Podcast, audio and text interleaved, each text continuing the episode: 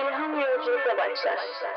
Bu hafta Karavan'ın podcastinde Emre Pekçetinkaya'yı ağırladık ve Emre'nin kitabı hakkında konuşmak istedik. Kitabı Mutluluk Yavaş Yavaş Gelir. Evet Emre, sence mutluluk neden yavaş yavaş gelir? Böyle bir giriş yapalım. Evet, mutluluk neden yavaş yavaş gelir? Selamlar öncelikle herkese. Mutluluk bence zor bir şeydir. O yüzden yavaş yavaş gelir. Yani e, insanın böyle karmaşalarla dolu bir dünyayla ve kendi iç dünyasıyla böyle bir ahenk yakalamasıyla bence ortaya çıkan bir şeydir. O yüzden e, kitabın adını Mutluluk Yavaş Yavaş Gelir olarak belirledim. Hı hı. Peki e, bu kitabı yazarken e, nelerden ilham aldın? Öncelikle onu soralım. Biz genellikle karavanda hep böyle ilhamdan yola çıkıyoruz. İnsanların ilham aldıkları şeyleri merak ediyoruz ve hani bize katacakları şeyleri de gerçekten merak ediyoruz. Bu yüzden öncelikle öyle bir soru soralım. Evet. Neydi ilham kaynağı? İlham kaynağım e, esasında yani e, programın ilerleyen dakikalarında daha detaylı dile getiririz ama benim uzun yıllardır Doğan Cöloğlu'nun, Doğan Hoca'nın asistanlığını yapıyor olmam benim için aslında ilham alabileceğim çok böyle e, hazır bir ortam yarattı uzun Hmm. yıllar içerisinde. Hı hı. Ee, onunla çalışmaya devam ederken onun çalışma stili, onun dünyaya yaklaşım tarzı zaman içerisinde aslında o tarzı benim de içselleştirmemi sağladı belki de. Doğan Hoca her zaman etrafına çok dikkatli bakar ve e, çok küçük çok küçük böyle hayatın hayatın çok küçük nüanslarından çok büyük anlamlar çıkarır ve bu anlam gerçekten çok güçlüdür her zaman. Onun yanında çalışırken bu kitapta e, 19 hikaye var. O hepsi gerçek hayat hikayeleri benim başımdan geçen. Bu hikayelerin ilk bu kitapta yer alan onlar benim dev dostlarım da adlı bir hikaye var. O hikayeyi Doğan Hoca'ya anlattığım bir gün yani bu anlatmak böyle bir paylaşım gibi düşünebiliriz. Bir sohbet esnasında bahsederken Doğan Hoca ilgiyle dinledi ve dedi ki ya bu, bu dedi çok değerli bir anı. Bence bunu yaz sosyal medya hesaplarından paylaşalım. Eminim insanlar e, okuyup keyif alacaklardır ve çıkarımlar yapacaklardır dedi. Ben tabii olur mu olmaz mı böyle bir an bir heyecanlandığımı hissettim. Yazmak yazmak konusunda bir ilgim vardı. Hep çocukluğumdan beri bu ilgi vardı ama yani insanın kendini yeterli görememesi gibi bir durum oluyor genelde. Benim için de ya ben böyle bir şey yazabilir miyim ya da insanlar sonuçta sosyal medya hesabında paylaşılacak milyonlarca kişiye ulaşacak. Acaba hani onların zamanını çalar mıyım? Gerçekten okunmaya değer bir şey çıkarabilir miyim gibi bir kaygıyla başladım ama çok da heyecanlıydım. Neyse bir 10 gün kadar uğraşıp o anıyı yazdım. Aslında benim bile tahmin etmediğim şekilde güçlü olduğunu hissettim. Yani okuyunca iç, en başta benim içime sindi ve gerçekten de paylaşıldığında çok çok güzel bir geri dönüş aldı. Hı hı. Zaman içerisinde e, bu tür yazılar yazmaya başladım. İnsanlar şöyle diyorlardı yani yorumlarda. Aa evet gerçekten bu benim de başıma geldi.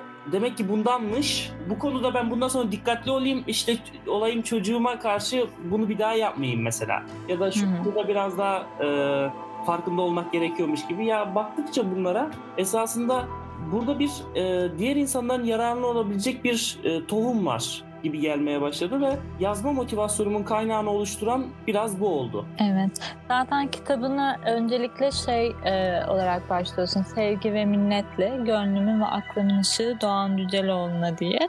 Çokça takip ettiğim e, ve sevdiğim bir hocaydı kendisi. Gerçekten Doğan Hoca çok nadir insanlardan biriydi Türkiye'deki ve iletişim psikolojisi anlamında gerçekten ehil bir insandı ve çokça da güzel e, şeyler bıraktı geride diye düşünüyorum ve sen onunla beraber geçirdiğin vakitlerde işte yani ondan aldığın ilhamlarla gerçekten şanslı olduğunu düşünüyorum aynı zamanda. Öyle bir insandan bir şeyler almış olmak ve onu yansıtıyor olmak çok önemli. Aynı zamanda Gülseren e, o hocamıza da devam ediyorsun sanırım. Evet. Hatta e, şey psikoloji üzerine de devam edeceğini e, söylemiştin daha önceden psikoloji alanında ilerlemeyi düşündüğünü söylemiştin. Aslında insanlar baktığı zaman bir şeyleri görmek isterler ya da baktığımız şeyde neler çıkarabiliyoruz insanı ne kadar anlayabiliyoruz? Zaten kitabın temel amacı da birazcık insan olmaya dair diye başlıyor ya. Evet. Yani insan olmaya dair gerçek yaşam öyküleri. Biz bunu gerçekten anlayabiliyor muyuz? Gerçekten kavrayabiliyor muyuz? Var olmanın özünü gerçek anlamda kavrayabiliyor muyuz? Mesela onlar benim dev dostlarımdı diye bahsettiğin hikaye aslında kasaba günlerinden ve senin çevrene olan duyarlılığın, farkındalığın değil mi? Hani e, diğer canlıları olan bu şekilde bir bağlantıyla devreye giriyor aslında. Bize anlatma stilin, bunu yansıtma biçimin. Evet, onlar benim dev dostlarımdı. Benim e, ailem İstanbul'dayken ben Nevşehir'e, kasabaya gittim. İki yıl orada kaldım. Dedem ve babaannemle yaşadım ve açıkçası böyle yalnızlık çektiğim biraz zorlu günlerdi. Çünkü Hı hı. şehirden indim köye gibi bir durum yaşandı ve ben daha önce kasabada yaşamamıştım. Oranın töresini, yöresini bilmiyordum çok fazla. Hı hı. Ve tabii aileden uzakta olmak da başka bir sıkıntıydı benim için. Ve o dönemde en çok keyif aldığım şey çobanlık yapmaktı. Amca amcalarımın büyükbaş ineklerini işte hayvanlarını meraya götürürdüm. Onlarla gerçekten zaman geçirmek yani onlarla birlikte olmak ve e, sonuç itibariyle de insan olarak orada birilerinin işine yaradığımı hissetmek, bir fayda sağladığımı hissetmek benim için çok doyurucuydu. Hı hı. Ve e, buna dair bir e, yazı onlar benim dev dostlarımdı ve benim bu kitaptaki ilk yazım 2019 yılında yazmıştım o yazıyı. Peki şöyle bir şey söylemek istiyorum. Benim dikkatimi çeken bir şey. Bu her hikayenin başında bir çizim var. Yani o hikayeyi anlatan bir çizim var. Mesela sıkılmıyordum ama mutlu da değildim e, dediğin bir e, hikayede o bahsettiğimiz hikayenin öncesindeki bir hikayede mesela bir şey var bavul var ve içinde de böyle ev var ağaç var işte ne bileyim e, televizyon var sanırım Çizimler bana ait değil. E, şöyle ama e, şimdi mesela sıkılmıyordum ama mutlu da değildim. Tabii burada e, bizi dinleyecek olan kişiler muhtemelen kitabı okumamış olacaklar. E, Hı hı. O sebeple e, hikayeden kısaca bahsedecek olursam biz çok taşındık. Yani çok ev değiştirdik, şehir de değiştirdik. Fakat babam hani bir e, bir memuriyetten dolayı değil de yani yaptığı iş ve böyle biraz ekmek neredeyse onu kovaladı aslında biraz kendince. Ve belki de bilmiyorum şu ana kadar 15 kez falan 15 farklı evde falan e, yaşamış olabilirim. Ee, bazı arkadaşlarım hala doğdukları evde yaşıyorlar. Yani 27-28 yıl önce doğdukları evde ve bana çok tuhaf geliyor ya acaba aynı evde nasıldır büyümek gibi. Şimdi e, tabii bu çok fazla çok fazla arkadaş edindim. Çok fazla arkadaş kaybım da oldu. Sürekli taşınınca hep sona eren arkadaşlıklar oldu. Bazen çok bazı bazı sokaklar çok güzeldi taşındığımız yerler. Bazı yerler o kadar şey değildi. Yani arkadaşlıklar edinemiyordum ve sıkılmıyordum ama mutlu da değildim dediğim yer Hı hı. e, benim e, 13-14 yaşıma 12-13 yaşıma denk gelen bir e, evdi o ev. İki yıl kadar oturduk ama ge- fark ettim ki hiçbir anı yok aklımda. Yani Allah Allah dedim ya niye benim orada hiçbir şey aklıma gelmiyor? Yani e, sanki orada bir boşluk var kafam içinde. Hı hı. Sonra düşündüm ve farkına vardım ki sokakta çocuklarla, sokakta kimseyle bir ilişkim yoktu. Tamamen zamanımı evde geçiriyordum. Terasta işte kendi başıma oyunlar bulmuştum. Onlarla oynuyordum. Yani gerçekten sıkılmayacak kadar kendimi oyalamayı öğrenmiştim. Fakat gerçek anlamda e, sokaktaki çocuklara bakıp imrendiğimi e, Hı hı. e, çok hissettim ve aslında tabii doğrudan kendi e, kabuğuma çekilme gibi bir durumda olmamıştı. Yani çocuklar sokaktaki çocuklarla biraz yaklaşmaya çalıştığımda böyle bir enerjimiz tutmadı ve böyle kavga etme durumlarım falan oldu. Sonra ben de evden çıkmadım doğrusu. Ama hiçbir hatıra yok, anı yok. Sıkılmıyordum ama gerçekten de mutlu da değildim. Yani bunu fark ettim o eve dair. Ve Hı hı. ee, şimdi mesela bazı arkadaşlarım var. Şöyle diyorlar ya çocukluğum çocukluğumdan hiçbir şey hatırlamıyorum.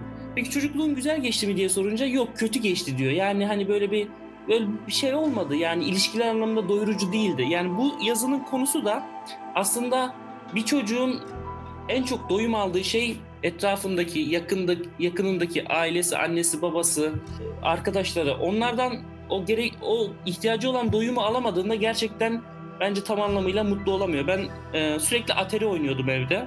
Hı hı. Gerçekten şu anda aklımda oraya dair hiçbir şey yok. E, bu çizimi bir yakınım yaptı. E, Sibel Hanım e, bir tanıdığımın e, güzel sanatlar mezunu güzel sanatlar bölümünden mezun olmuş birisi. Şimdi burada bir bavul var.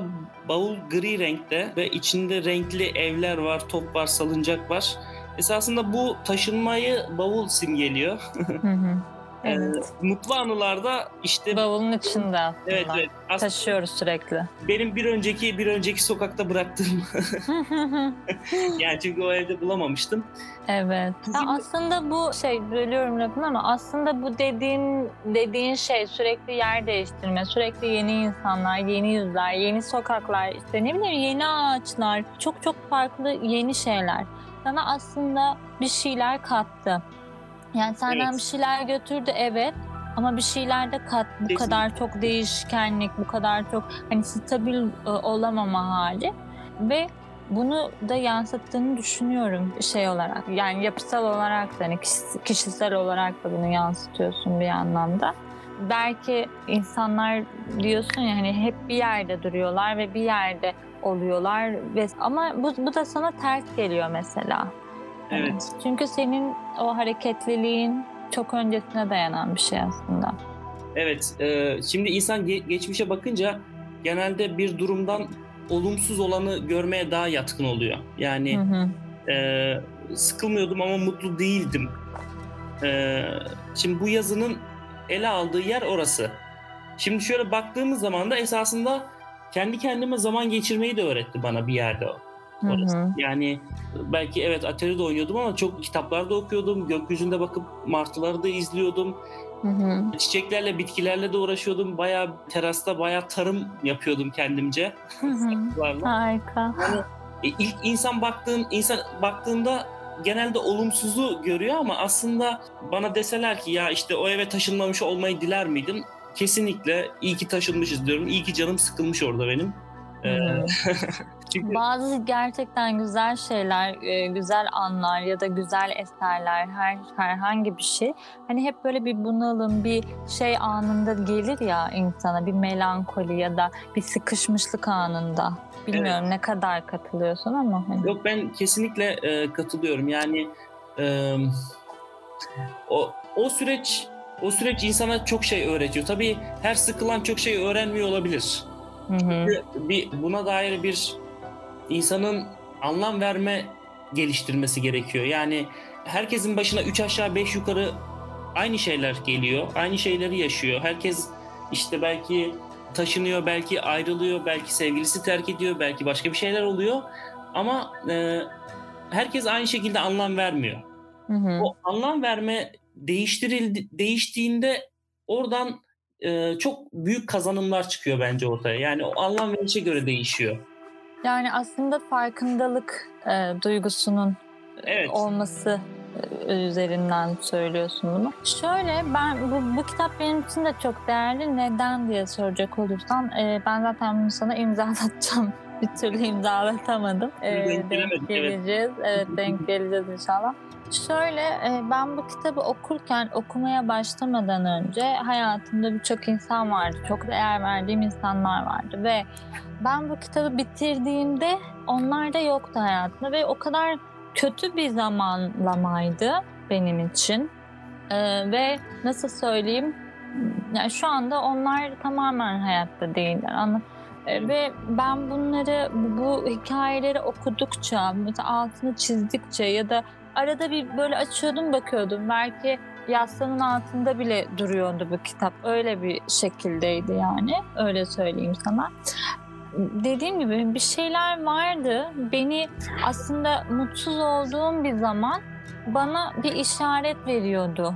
Ee, enerjisi vardı bu kitabın ve zaten mutluluk yavaş yavaş gelir dediği şey de aslında üzüldüğüm, çokça yıkıldığım, kırıldığım, e, tam olarak anlamlandıramadığım o evren içinde bana bir işaret, bir mesaj gibiydi. Öyle söyleyeyim. Ee, gerçekten çok etkilemişti ve Hatta ilk hikayen olan o hani e, bir serçenin öldüğü gün var ya Evet. ilk e, hikayen. E, benim için çok değerli şöyle benim babam vefat etti yakın zamanda. İşte dediğim gibi hani kayıplarımdan e, kastım da biraz oydu. E, ve bana bir serçe getirmişti. Bir bülbül yavrusu, serçe hatırlayamıyorum. E, ve onu ona bakmam bakmamı söylemişti. Bakmak bakmam gerekiyordu ona. Fakat kedi onu ısırmıştı sanıyorum ve ölecekti o. Yani onu biliyorum ölecek ve ben onu ahlamaya başlamıştım. E, babam beni en son öyle e, aramıştı mesela. Ona yem verdim mi diye. Ağlamaya başlamıştım vesaire böyle hani e, sonra bakıyorum e, senin bu hani baktığın e, işte bu sapanla o serçeyi öldürme olayı var ya hani Evet. işte aslında yaptığımız şeyler aslında o kuşu diyorsun ki bir bakıma kardeş olarak gördüğünde biz olma duygusunu keşfedebilir insan diye. Vicdandan bahsediyorsun burada. Yani baktığın zaman mesela o, o kuş ölmesin diye de ben böyle istemsizce ağlıyordum. Yani o kuşun ölmesini istemiyorum. Aslında o vicdan içimizde o kadar şey ki diri ki o güce ve bizi kontrol eden hırslara ya da şeylere yenilmediğimiz müddetçe, kötü enerjiye yenilmediğimiz müddetçe diri kalan tek şey o merhamet ve vicdan duygusu. Ve e, bunu da güzel bir şekilde çocukluk anılarından yola çıkarak anlatmışsın. Tekrardan e, başın sağ olsun, mekanı cennet olsun. Senin için bu kadar hassas bir dönemde okunan bir kitap olduğunu bilmiyordum bu arada. Yani bu kadar detaylı. Ve Serçe öyküsü de e, gerçekten ilginç bir denk geliş olmuş. Serçe öyküsü belki şimdi burada henüz e, bilmeyenler için çok kısaca özetlersem e, benim çocukluğumda 8-9 yaşlarındayken o zaman Nevşehir merkezde yaşıyorduk. Kasabaya gittik bir düğün sebebiyle. O zamanlarda böyle bir sapan merakım vardı ama böyle çok iyi bir sapan yapıcısı değildim. Hı hı. Ee, böyle kuşlar hep e, bir gözüm havadaydı. Yani kuşları vurmakla ilgili bir şey yani galiba bir içten içe avcı dürtüleriyle. Hı hı. Ee, sonra kasabaya gittiğimde oradaki bizim e, kuzenlerimiz ve onların arkadaşları onlar da sapanla ilgililerdi ve çok iyi sapanlar yapmışlardı. Yani öyle gördük. Sonra bana da bir tane sapan yapıp verdiler ve bir dut ağacına dut ağacının yanına gidip beklemeye başladık işte. Sapan kuşlar geliyor. işte herkes çocuklar sapanlarıyla hedef alıyor falan. Bir sürü dutlar yağıyor, yapraklar düşüyor kuşlar uçuyor kaçıyor falan derken orada benim kuzenimin kuzenimin oğlunun aslında attığı bir taş gerçekten kuşu vurdu. Böyle Hı hı. Düştü. Yani o an sanki böyle zaman yavaşlamış gibi oldu. Sonra o kuş yani herkes hepimiz başına koştuk incelemek için. işte böyle e, işte serçesinden şey serçesinden diyorum ya gagasından e, bir damla böyle kan sızdı falan böyle herkes böyle merakla elini almaya çalışıyor bakıyor. İki dakika kadar sürdü o merak ve sonra onu bir duvarın tepesine koydular. Ben de geldim gittim ilk defa böyle görüyorum yani bir kuşun vurulma anını ve sonrasını. Yani kuş öldü, böyle zaman geçti. Düğün zaten bir düğün ortamıydı bu arada. Hı hı. Herkes toplanmıştı. İşte çocukların ilgisi dağıldı, herkes bir yana gitti. Yani biz hayatımıza devam ettik. Kuş orada öylece kaldı. Yani bir resim gibi böyle aklımda. Ben böyle sonra geldim gittim yanına. Yani e, belki böyle söylemek ne kadar doğru bilmiyorum ama kediler bile ilgilenmedi onunla. Yani e, ölü bir hayvanı galiba yemek istemediler anladığım kadarıyla. Yani gerçekten çok güzel bir kuştu ve artık yoktu. Yani niye yoktu? E, Onu öldürmeli miydik yani? Aslında şöyle bir şey de demişsin ya çok pardon. E, Diyorsun ki ve gün ilerledikçe gerçekten de çok güzel bir şey yok ettiğimiz hissi içimi kapladı. Evet gerçekten de Hı hı. e, öyle oldu. Yani hani e, niye bunu yaptık? Şimdi e, şöyle düşündüğüm zaman tabii burada herhangi bir olayı anlatıp bitirmiyorum. Kendimce okuduğum, ettiğim kadarıyla, anladığım kadarıyla bunun sebeplerine de e, inmeye çalışıyorum kitapta. Yani şimdi bize sürekli e, vurmayın, günah yapmayın, etmeyin sürekli deniliyordu. Yani orada bir büyüğümüz gelse dese ki e, işte vurmayın etmeyin biz gerçekten vurmazdık. Ama e, hemen işte belki 3 saat sonra aşağıda derenin kenarında başka bir kuşu vururdu. Yani bize günah deniliyordu. İşte e, yapmayın etmeyin deniliyordu. Kızılıyordu belki bunlar için ama biz bunların anlamını bilmiyorduk. Yani niçin onu yok etmeye çalışıyorduk da onun böyle varlığına bakıp böyle bir mutlu olacak kadar bir gönül ve zihin hazırlığımız yoktu. Hmm. Yani niye e, biz o kuşu gerçekten işte canım Doğan Hoca'nın dediği gibi canım büyük küçüğü olur mu e, dediği Aynen. gibi yani onu böyle bir e, onu, onu niye böyle bir seyretmekten keyif almayı öğrenmemiştik? Niye yok ederek haz alma noktasına gidiyorduk? Yani çünkü orada bu kuş aslında bir yerde e, bir serçe denilip geçilebilir ama bu e, belki insan ilişkilerinde de bir ta- insan ilişkilerine de yansıyacak, uyarlanabilecek bir metafor gibi bir yerde. Çünkü e, yani birinin yani biz aynı zamanda bir kuşu yok ettiğimiz gibi onu yok etmekten aldığımız haz gibi bir insanla ilişkimizde onu küçük düşürmekten de haz alabiliriz. Yani onu e, daha mutlu bir insan olarak daha mutlu bir insan olmasına çabalamak ya da olanak sağlamak yerine onu daha mutsuz bir insan ol, yapmaktan da keyif alabiliriz. Onun kötü hale düştüğünü görmekten de. Yani biz bunları idrak edememiştik ve esasında bize bunu annemiz babamız belki bir yerde idrak ettirebilecekler de ama onların da böyle bir e, fırsatı olmamış. Yani onlara da kimse e, bir çocuk bir çocuk kuş- bir kuşu nasıl sever? Hı hı. Kimse ona, onlara da yaklaşmamış. Onlara da yazık günah denilmiş. Aslında yani evet yazık günah bunları söylüyoruz ama hani o yapılan şey sadece o kuşu öldürmek değil belki. İçimizdeki hani vicdandan bahsettik ya onu öldürüyoruz aslında. Yani o kuş bir metafor olarak düşünebiliriz. Yani o e, kuşun hani vicdanımızın böyle bir canlanmış ete kemiğe bürünmüş hali olarak düşünebiliriz. Ve biz onu sapanla vurmaya çalışıyoruz. Ve gerçekten bu e, günümüzdeki yaşam e, şartları işte ne bileyim günümüzdeki insan ilişkileri vesaire bunlara da detaylı olarak baktığımız zaman hep bir hırs, hep bir e, bir yerlere koşma biçimi değil mi var? Hep bir böyle birilerini yerme ya da birileri üzerinden bir şeyler yapma, işte onları küçümseme ya da hani mutsuz etme daha şey tabiriyle onları mutsuz ederek belki mutlu olan insanlar. Hani bu tarz şeyler olabiliyor ve aslında onlar kendi kendilerine yapıyor bunu. Başkasına değil ya da başka bir canlıya değil. Dediğin gibi Doğan Hoca'nın da e, söylediği o anısı var. Sen daha güzel bir şekilde anlatırsın. Hatta anlat şimdi. E, yani o şey çok önemli bir e, söz. Canın büyüğü küçüğü olmaz diye. Evet. Tabii ki seve seve anlatırım. Esasında bizim e, çocuk olarak bize kavramlar veriliyor ama onlar bizim boyumuzu aşıyor. Yani yazık, günah. Yani bunlar e, e, duyuyoruz ama anlamıyoruz.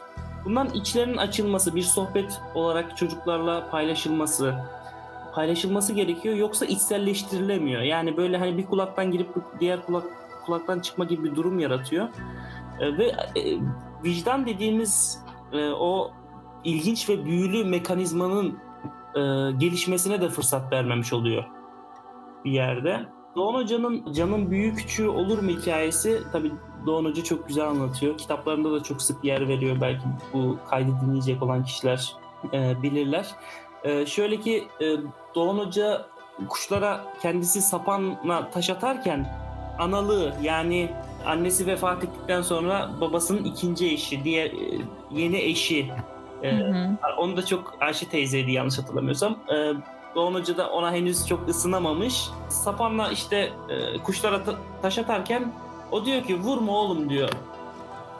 Yazık e, vurma oğlum diyor. E, yazık günahtır diyor. Tabii Doğan Hoca da niye parmak kadar küçük kuş vursam hani ne olur ki diyor.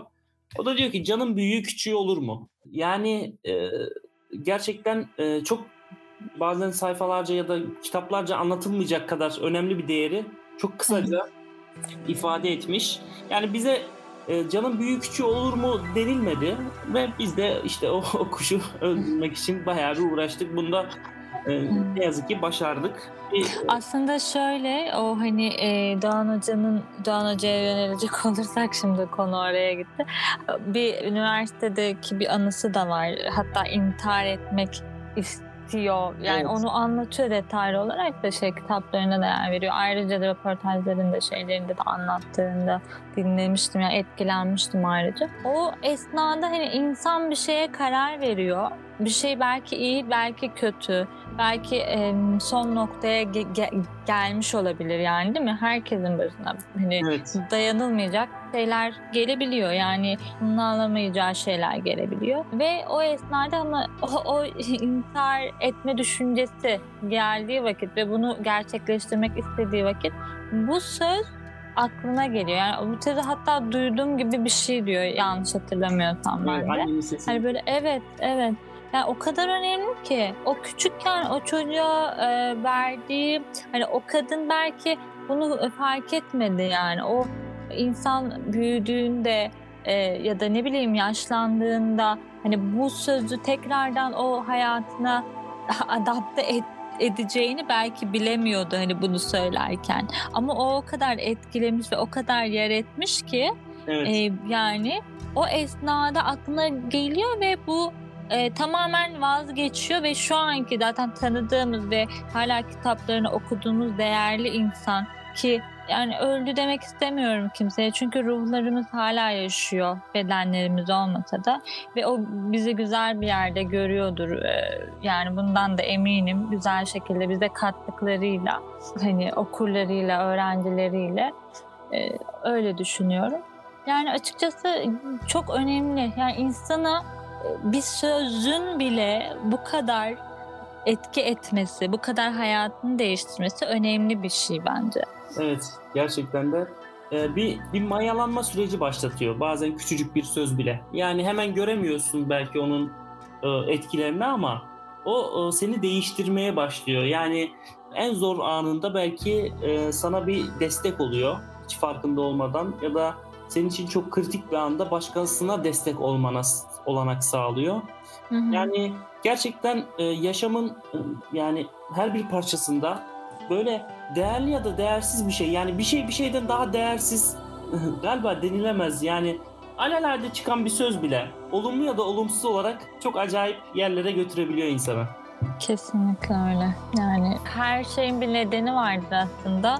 Hiçbir şey nedensiz olmaz. Evet. İnsanlar gibi, karşımıza çıkan insanlar gibi. Hani bizim aslında değişmemize, e, ilham almamıza olanak sağlayan birçok şey oluyor.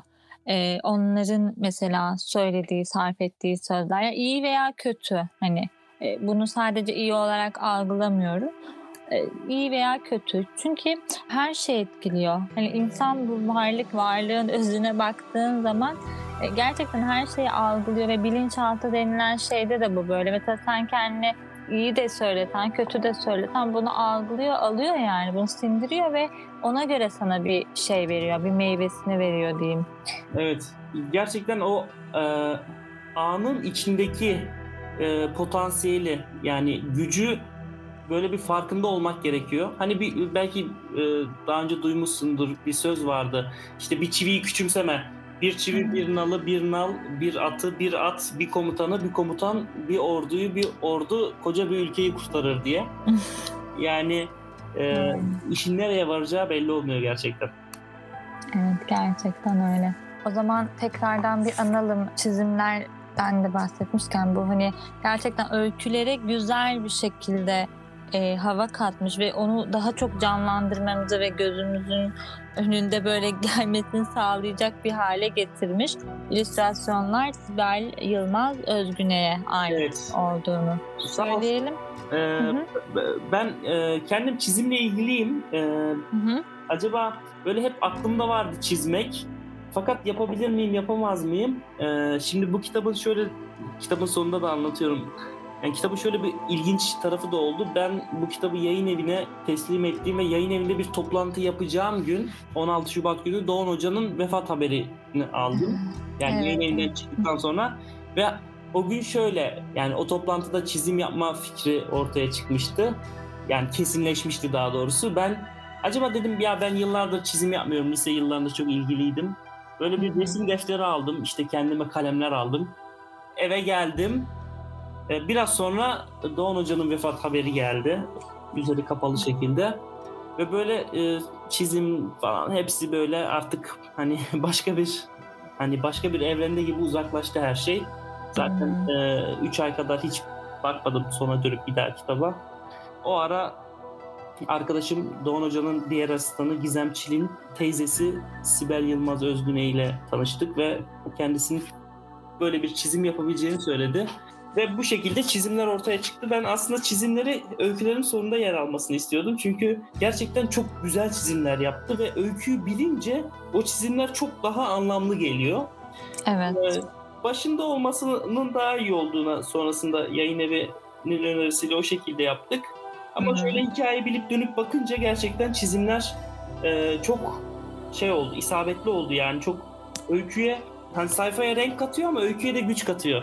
Daha Hı hı. ete kemiğe bürüyor, ete kemiğe bürüdü gerçekten. Evet.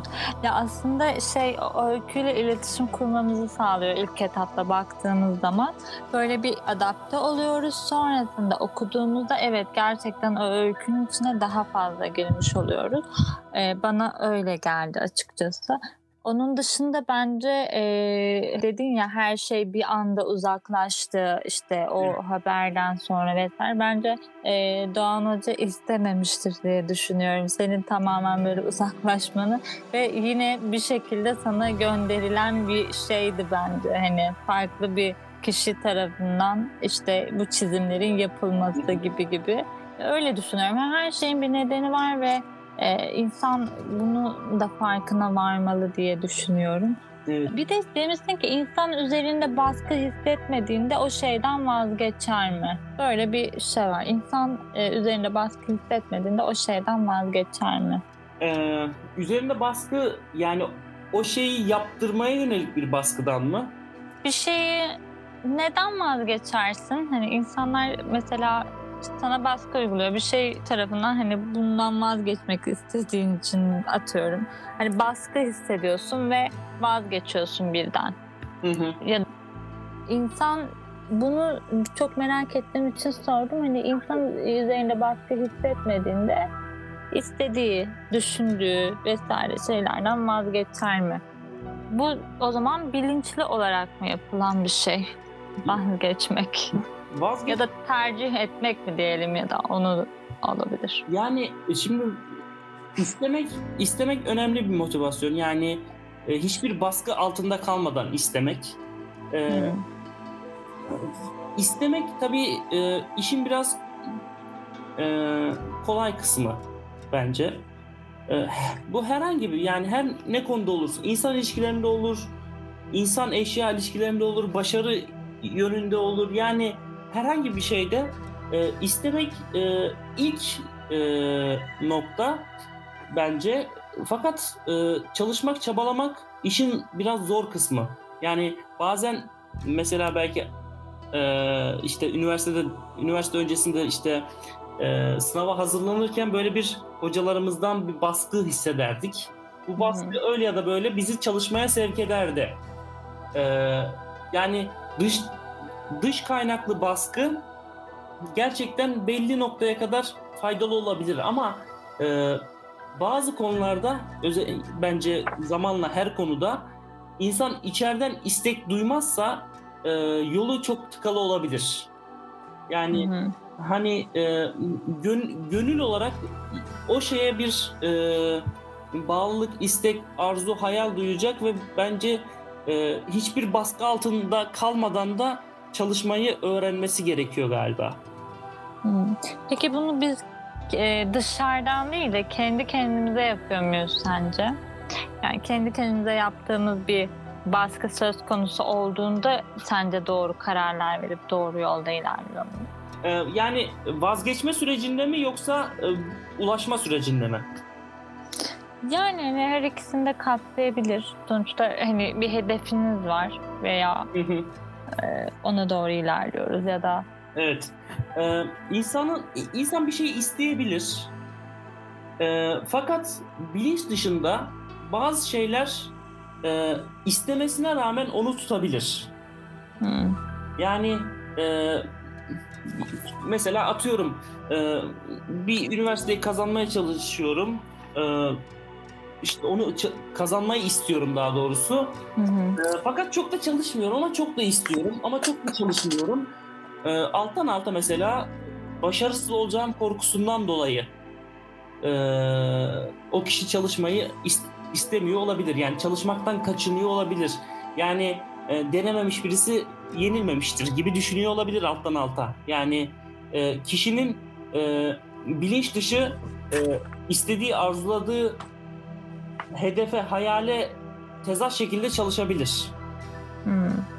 Ee, ama e, yani o noktada hani bunu bunun üstesinden gelirse yani böyle bir durum yoksa e, istemek ve çabalamak sanki e, yani ah, istemek Olması gereken bir şey gibi mi? olmak yani? hani böyle çok sık sık karşımıza çıkar ya işte e, başarının %95'i 99'u çalışmaktır, %1'i Hı hı. %5'i zekadır gibi gerçekten e, benim etrafımda bu arada e, gördüğüm tanıdığım kişiler yani Doğan Hoca olsun, Gülseren Budayıcıoğlu olsun e, ve diğer başka çok yakından tanıdığım başarılı kişiler yani şunu gözlemliyorum yani böyle inanılmaz derecede çalışıyorlar.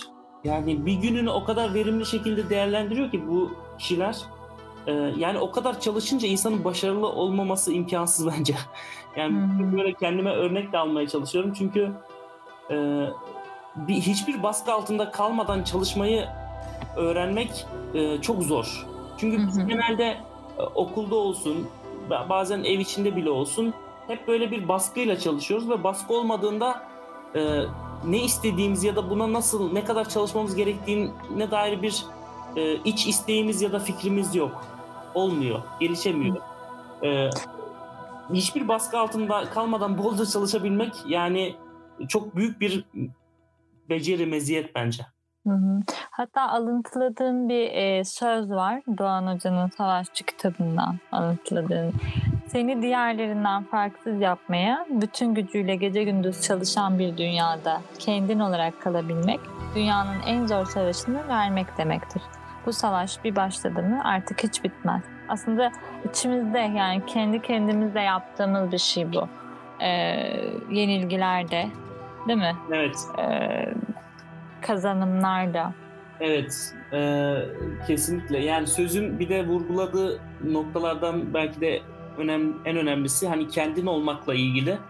Çünkü e, burada e, kitabın adını mutluluk yavaş yavaş gelir olarak koyduk ama aslında bu biraz kendin olma süreciyle ilgili. Yani kendin olabilme süreciyle ilgili bir kavram aynı zamanda. Çünkü insan e, ne kadar güzel koşullar altında olsa bile kendi istediğini, kendi gönlünün aktığını yapamıyorsa gerçekten mutlu olması çok zorlaşıyor.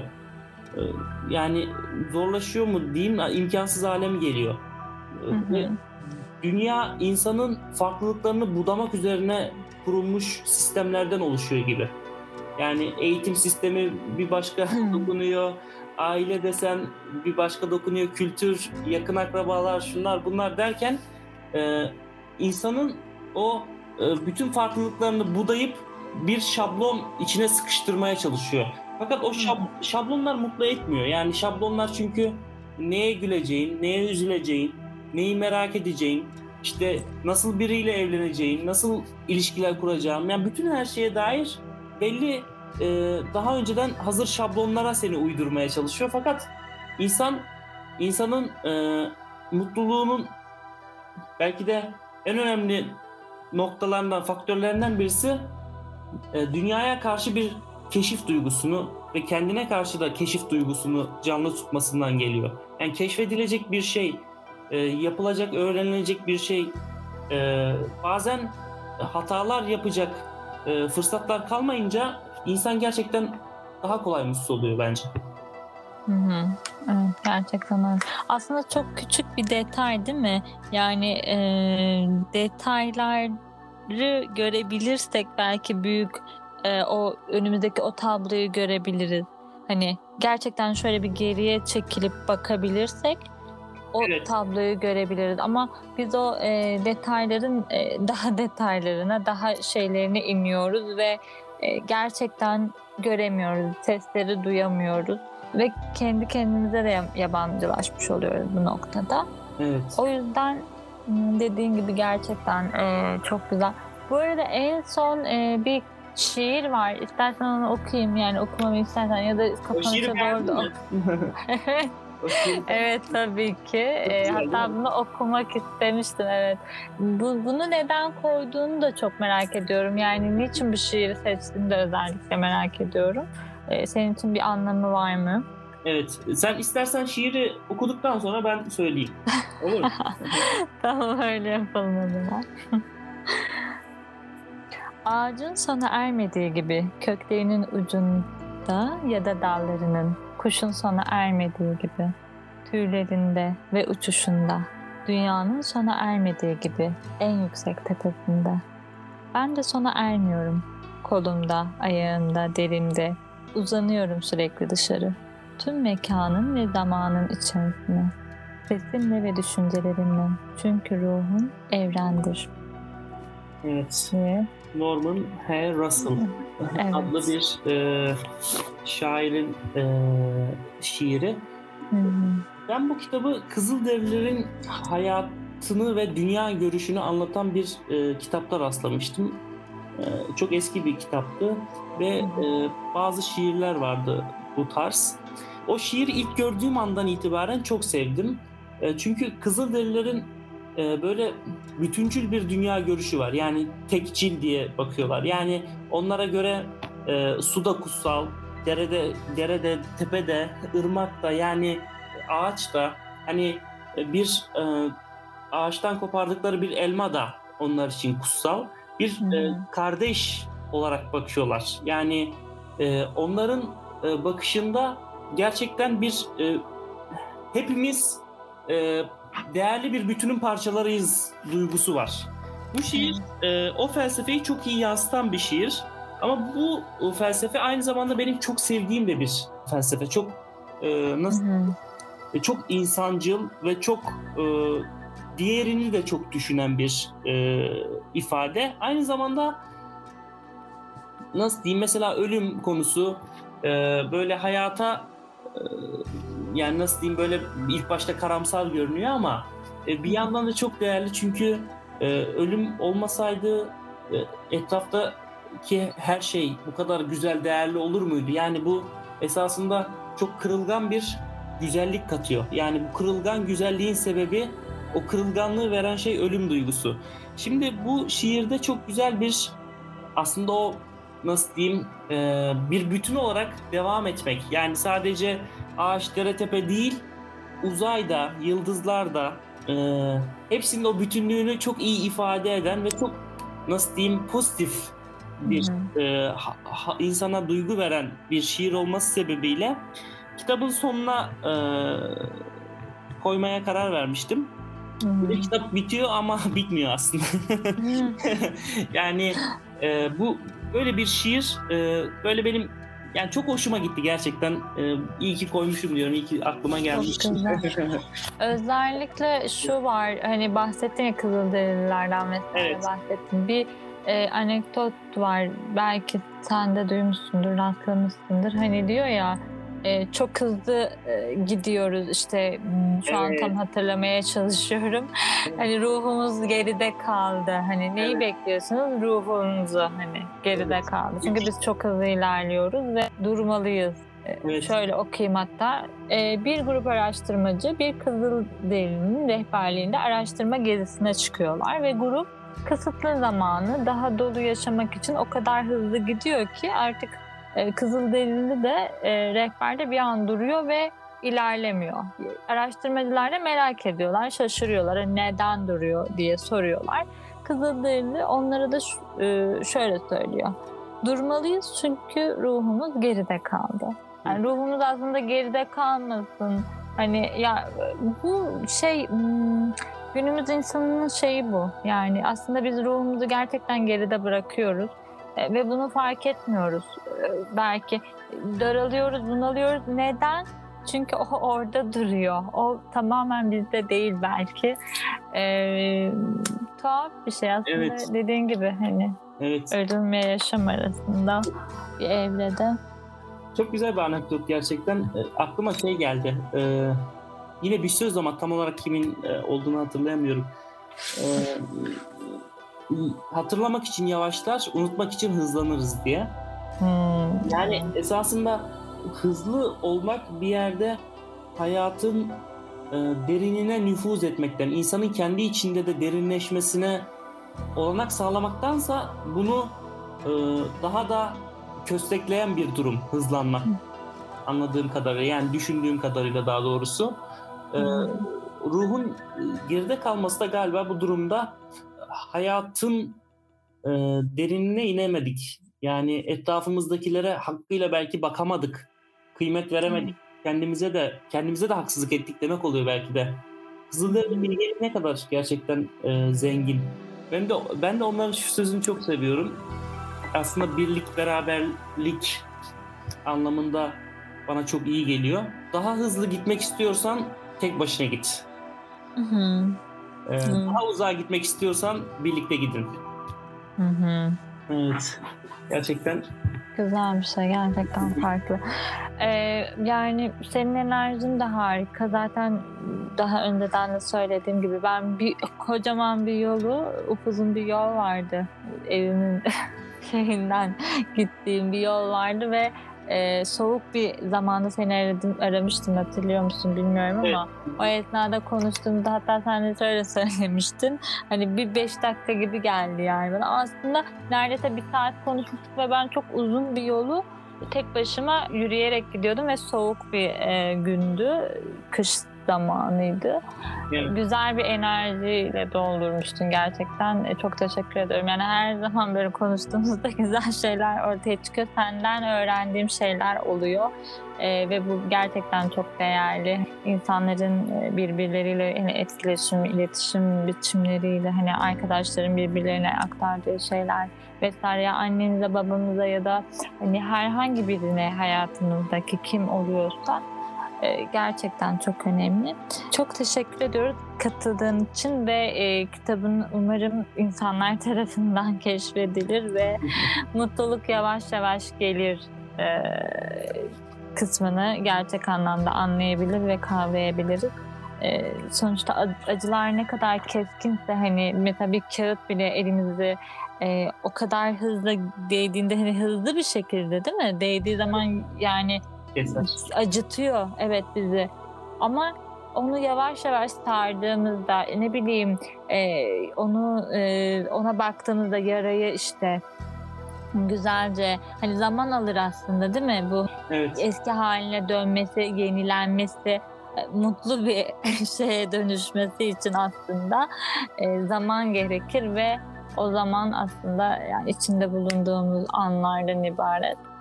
Çok teşekkür ediyoruz. Ben, ben de çok teşekkür ediyorum. Hiç fark etmedik yani bayağı bir uzun bir podcast Evet. oldu gerçekten hiç Bizim- fark etmedik. Bizim telefonda yaptığımız sohbetler de hem çok keyifli geçiyor hem de gerçekten Evet. zaman az ne kadar çok zaman geçmiş duygusu yaratıyor. Yani bu yani burada da yaklaşık bir saattir konuşuyoruz ve gerçekten bana hiç bir saattir konuşuyor gibi. Umarım Doğru insanları bulmak aslında mesele biliyor musun? Doğru insanlara denk gelmek, onlarla o etkileşimi yaşayabilmek çok önemli. Ee, Umarım hep öyle insanlar hayatımızda olur. umarım Ee, gerçekten Yani bu öyle düşünüyorum. bu zaman nasıl geçti konusu e, yani kişi sohbet ederken de olsa herhangi bir şeyle uğraşırken de izlerken de dinlerken de olsa yani nerede olursa olsun olumlu bir şey. E, Hı hı. yani umarım e, dinleyenler için de böyle aa zaman nasıl geçmiş denilecek bir yayın olur. Evet olacaktır. Başka yayınlarda yine seni ağırlamayı çok istiyoruz Emre'cim. Ee, gerçekten güzel yayınlar olsun istiyoruz seninle beraber ve enerjinle beraber.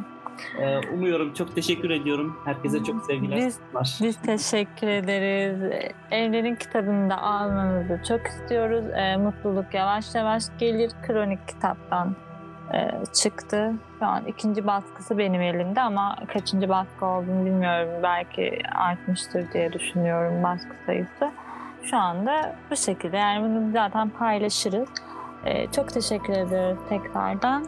Kendine çok iyi bak. Mutlulukla kal. Çok teşekkür ediyorum. Sen de mutlulukla kal. Ee, keyifli akşamlar olsun herkese. Teşekkürler. Herkese iyi akşamlar diliyoruz.